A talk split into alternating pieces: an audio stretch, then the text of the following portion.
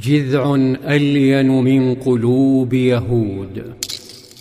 غضبت يهود من تحول القبلة من بيت المقدس إلى الكعبة فقالت ما ولاهم عن قبلتهم التي كانوا عليها؟ فجاء الرد وحيا يسفه عقولهم ويقول سيقول السفهاء من الناس ما ولاهم عن قبلتهم التي كانوا عليها. قل لله المشرق والمغرب يهدي من يشاء إلى صراط مستقيم.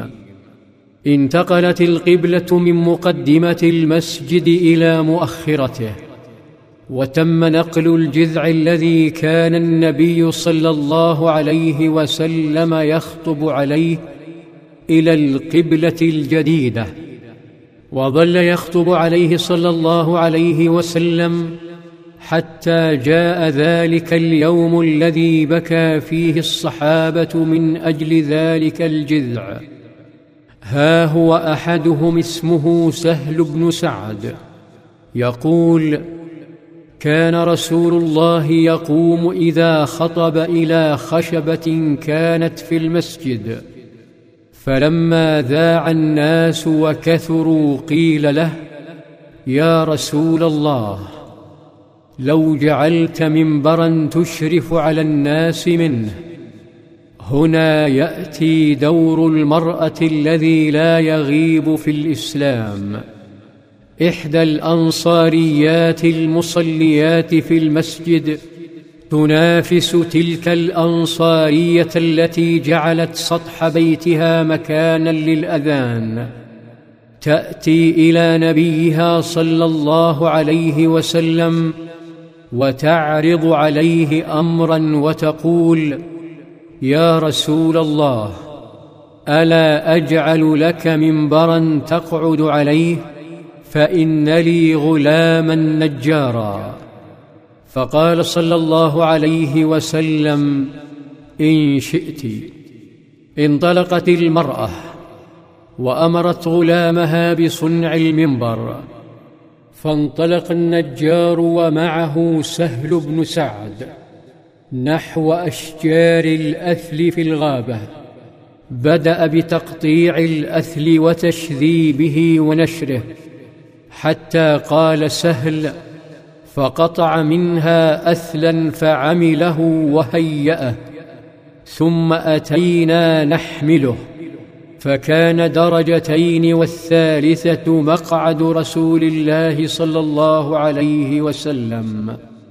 ولما جاء يوم الجمعة ودخل النبي صلى الله عليه وسلم المسجد ليخطب.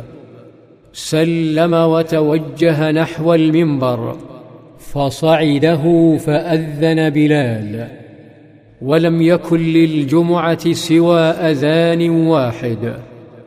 وبعد الأذان خطب صلى الله عليه وسلم وكانت سنته أن تكون خطبته أقصر من صلاته حيث يقول إن طول صلاة الرجل وقصر خطبته مئنة من فقه الرجل فأطيلوا الصلاة وأقصروا الخطبة وإن من البيان سحرا.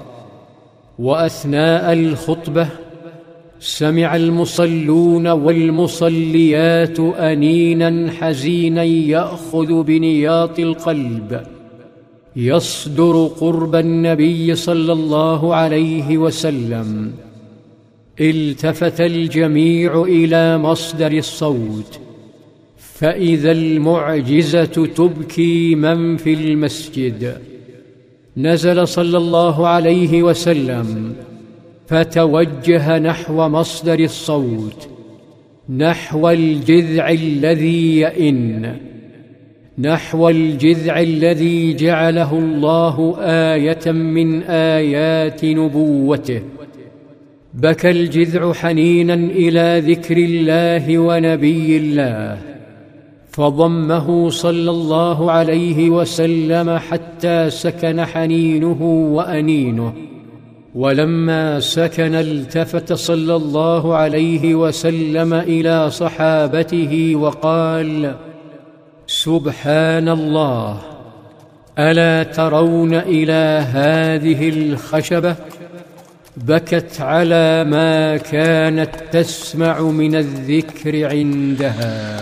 في ظلال, ظلال, في ظلال السيرة.